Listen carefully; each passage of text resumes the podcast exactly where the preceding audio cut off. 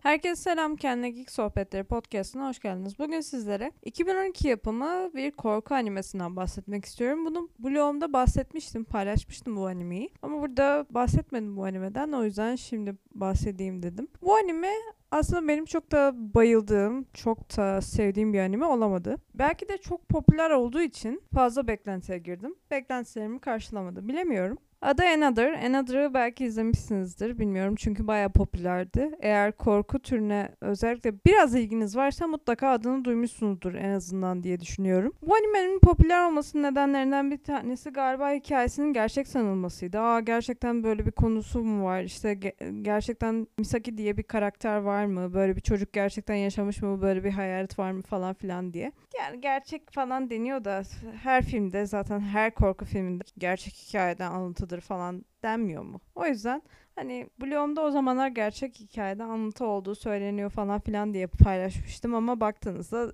böyle bir şey şu an inanıyor muyum? Kesinlikle hayır. Konusuna gelecek olursak Misaki diye bir karakter var. İşte bu Misaki çok sevilen, çok popüler, çok zeki, başarılı ve sınıfın gözdesi olan bir çocuk. Bir gün tarihsiz bir kaza sonucu hayata gözlerini yumuyor ve bu kazayla ilgili tuhaf olan şeylerden bir tanesi kesin ve net bir bilgi yok çocuğun nasıl öldüğüne dair. Bu bile biraz nasıl ya? Böyle bir şeyi nasıl insanlar bilmez dedirtiyor ama neyse konumuz bu değil. Sonrasında tüm sınıf tabii ki de hüzne boğuluyor. Hatta tüm sınıf değil tüm okul, tüm hocalar, tüm öğrenciler. Sonra sınıftayken bir gün bir kız parmağıyla işaret ediyor ve diyor ki Misaki aslında gitmedi. Misaki burada. Ondan sonrasında diğer çocuklar da onu yadırgamıyor. Yaptığı bu hareketi yadırgamıyor bu kızın. Ve aynı şeyi onlar da yapıyor ve sanki Misaki de hep onlarla birlikteymiş gibi o sınıfta hiçbir şey olmamış gibi. Hani baktığında bu tatlı bir detay ama tatlı olmayan bir detayı var ki mezuniyette fotoğraf çekildiklerinde Misaki'nin hayaleti de o fotoğrafta gözüküyor. Ondan sonrasında artık böyle okul lanetleniyor mu desem ne oluyor desem bilemiyorum. Aslında okul da değil sadece 8C sınıfı. İşte yapsınlar bu ölümlerin önüne geçilemiyor falan fişman böyle bir hikayesi var. Son durağa benziyor. Son durağın anime versiyonu falan diyenler de var. Evet bence çok fazla benziyor zaten. Benzerlik mevcut. Hikayesi güzel. Çizimlerini de beğendim. Bence gerilimi, atmosferi de çok iyi. Misaki Mei gibi çok tatlışko ve çok ürpertici, orijinal bir karakteri de var bence. Ölümler hep böyle zorlama ve tesadüfi bir şekilde gerçekleşiyor ama son duraktaki gibi vay be ne ölümde yok artık böyle ölüm mü olur falan demiyorsunuz. Çünkü imkansız değil. Kalp krizi geçiriyor falan filan hani. Ya da trafik kazasında hayatını kaybediyor mesela. Baktığında hmm, peki falan diyorsun.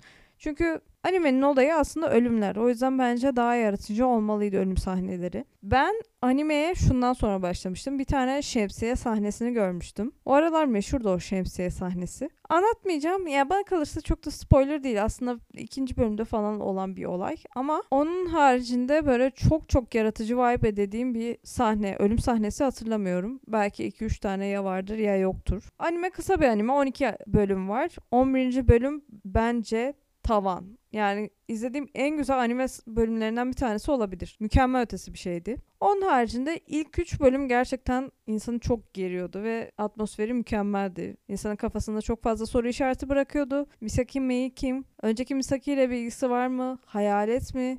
Nedir bu? Kimdir? Neyin nesidir? İnsan baya merak ediyor. Kendi aralarında konuşuyor, konuşuyor, konuşuyor. Habire bir acaba kim ölecek, nasıl engelleyebiliriz, nasıl engel olabiliriz bilmem ne düşünüyorlar, ediyorlar. En sonunda biri şakkadanak ölüyor. 20 dakikalık, 25 dakikalık animenin son 2 dakikasında aksiyon ya oluyor ya olmuyor. Bazı bölümlerde böyle maalesef. Bazı değil birçok bölümde böyle ol- olmaya başlıyor. O yüzden hani biraz daha fazla aksiyon beklerdim. 11. bölüme bir lafım yok. Ona bir şey demem. Yakışık almaz. Hayır. Ama eğer korku gerilim türünü seviyorsanız sevebileceğinizi düşünüyorum. O yüzden bir şans verin diyorum. Ya bu animeyi çok sevmişler. Corpse Party'yi sevmemişler. İnanamıyorum. Corpse Party gerçekten mükemmel ötesi bir animeydi bence. Gereken her şeyi gösterdi. Anlatması gereken her detayı anlattı. Ki bu aslında bayağı kısaltılmış haliymiş. Normalde Corpse Party bir oyun. Oyunun böyle konsantre hali gibi bir şey diyebiliriz anime için. Bana kalırsa gerçekten sonu falan çok şaşırtıcıydı. Ben hiç öyle bir son beklemiyordum. İnsanlar sonundan nefret ediyordu animenin. Bence çok farklıydı yani. Sonu falan Bayağı orijinal bir animeydi. Eğer bunu severseniz onu da seversiniz diye düşünüyorum. Onu da söyledim. When They Cry diye bir anime de vardı. Ona da değineceğim. Corpse Party'ye de değineceğim.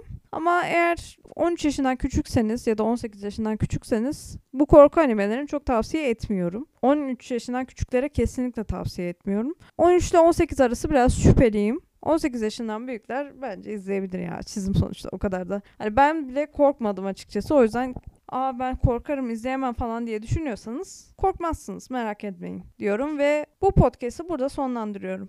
Bu podcast'te söyleyebileceklerim bu kadar. Bir dahaki podcast'te görüşmek üzere. Şimdilik hoşçakalın.